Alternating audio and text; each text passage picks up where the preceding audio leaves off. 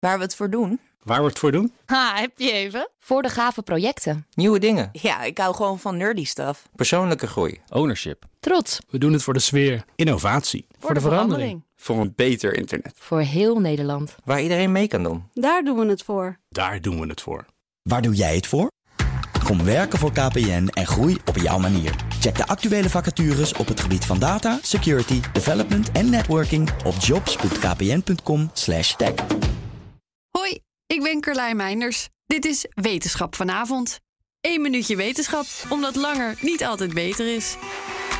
Wetenschappers van de Universiteit Maastricht en het Amsterdam UMC ontdekten in een gezamenlijk onderzoek naar veroudering in spierweefsels dat de energiehuishouding in spieren van sportende senioren en jonge mensen vrijwel gelijk is. Ze kwamen hierachter toen ze spierbiopten van proefpersonen in verschillende leeftijdsgroepen en fysieke condities met elkaar vergeleken. Eén stofje, NAD+, bleek in mindere mate aanwezig te zijn in oudere spieren. Dit stofje speelt een belangrijke rol in de energiefabriekjes van onze cellen. Uit proefdieronderzoek bleek eerder al dat er een link is tussen NAD+ en levensduur. Nu weten we dus ook dat het in de veroudering van menselijke spieren een rol speelt. Maar de onderzoekers zagen nog iets. Zeer sportieve ouderen bleken juist evenveel van dit stofje te hebben als jongeren. Dat suggereert dat mensen veroudering van hun spieren mogelijk kunnen terugdraaien of tegenhouden door een actieve leefstijl.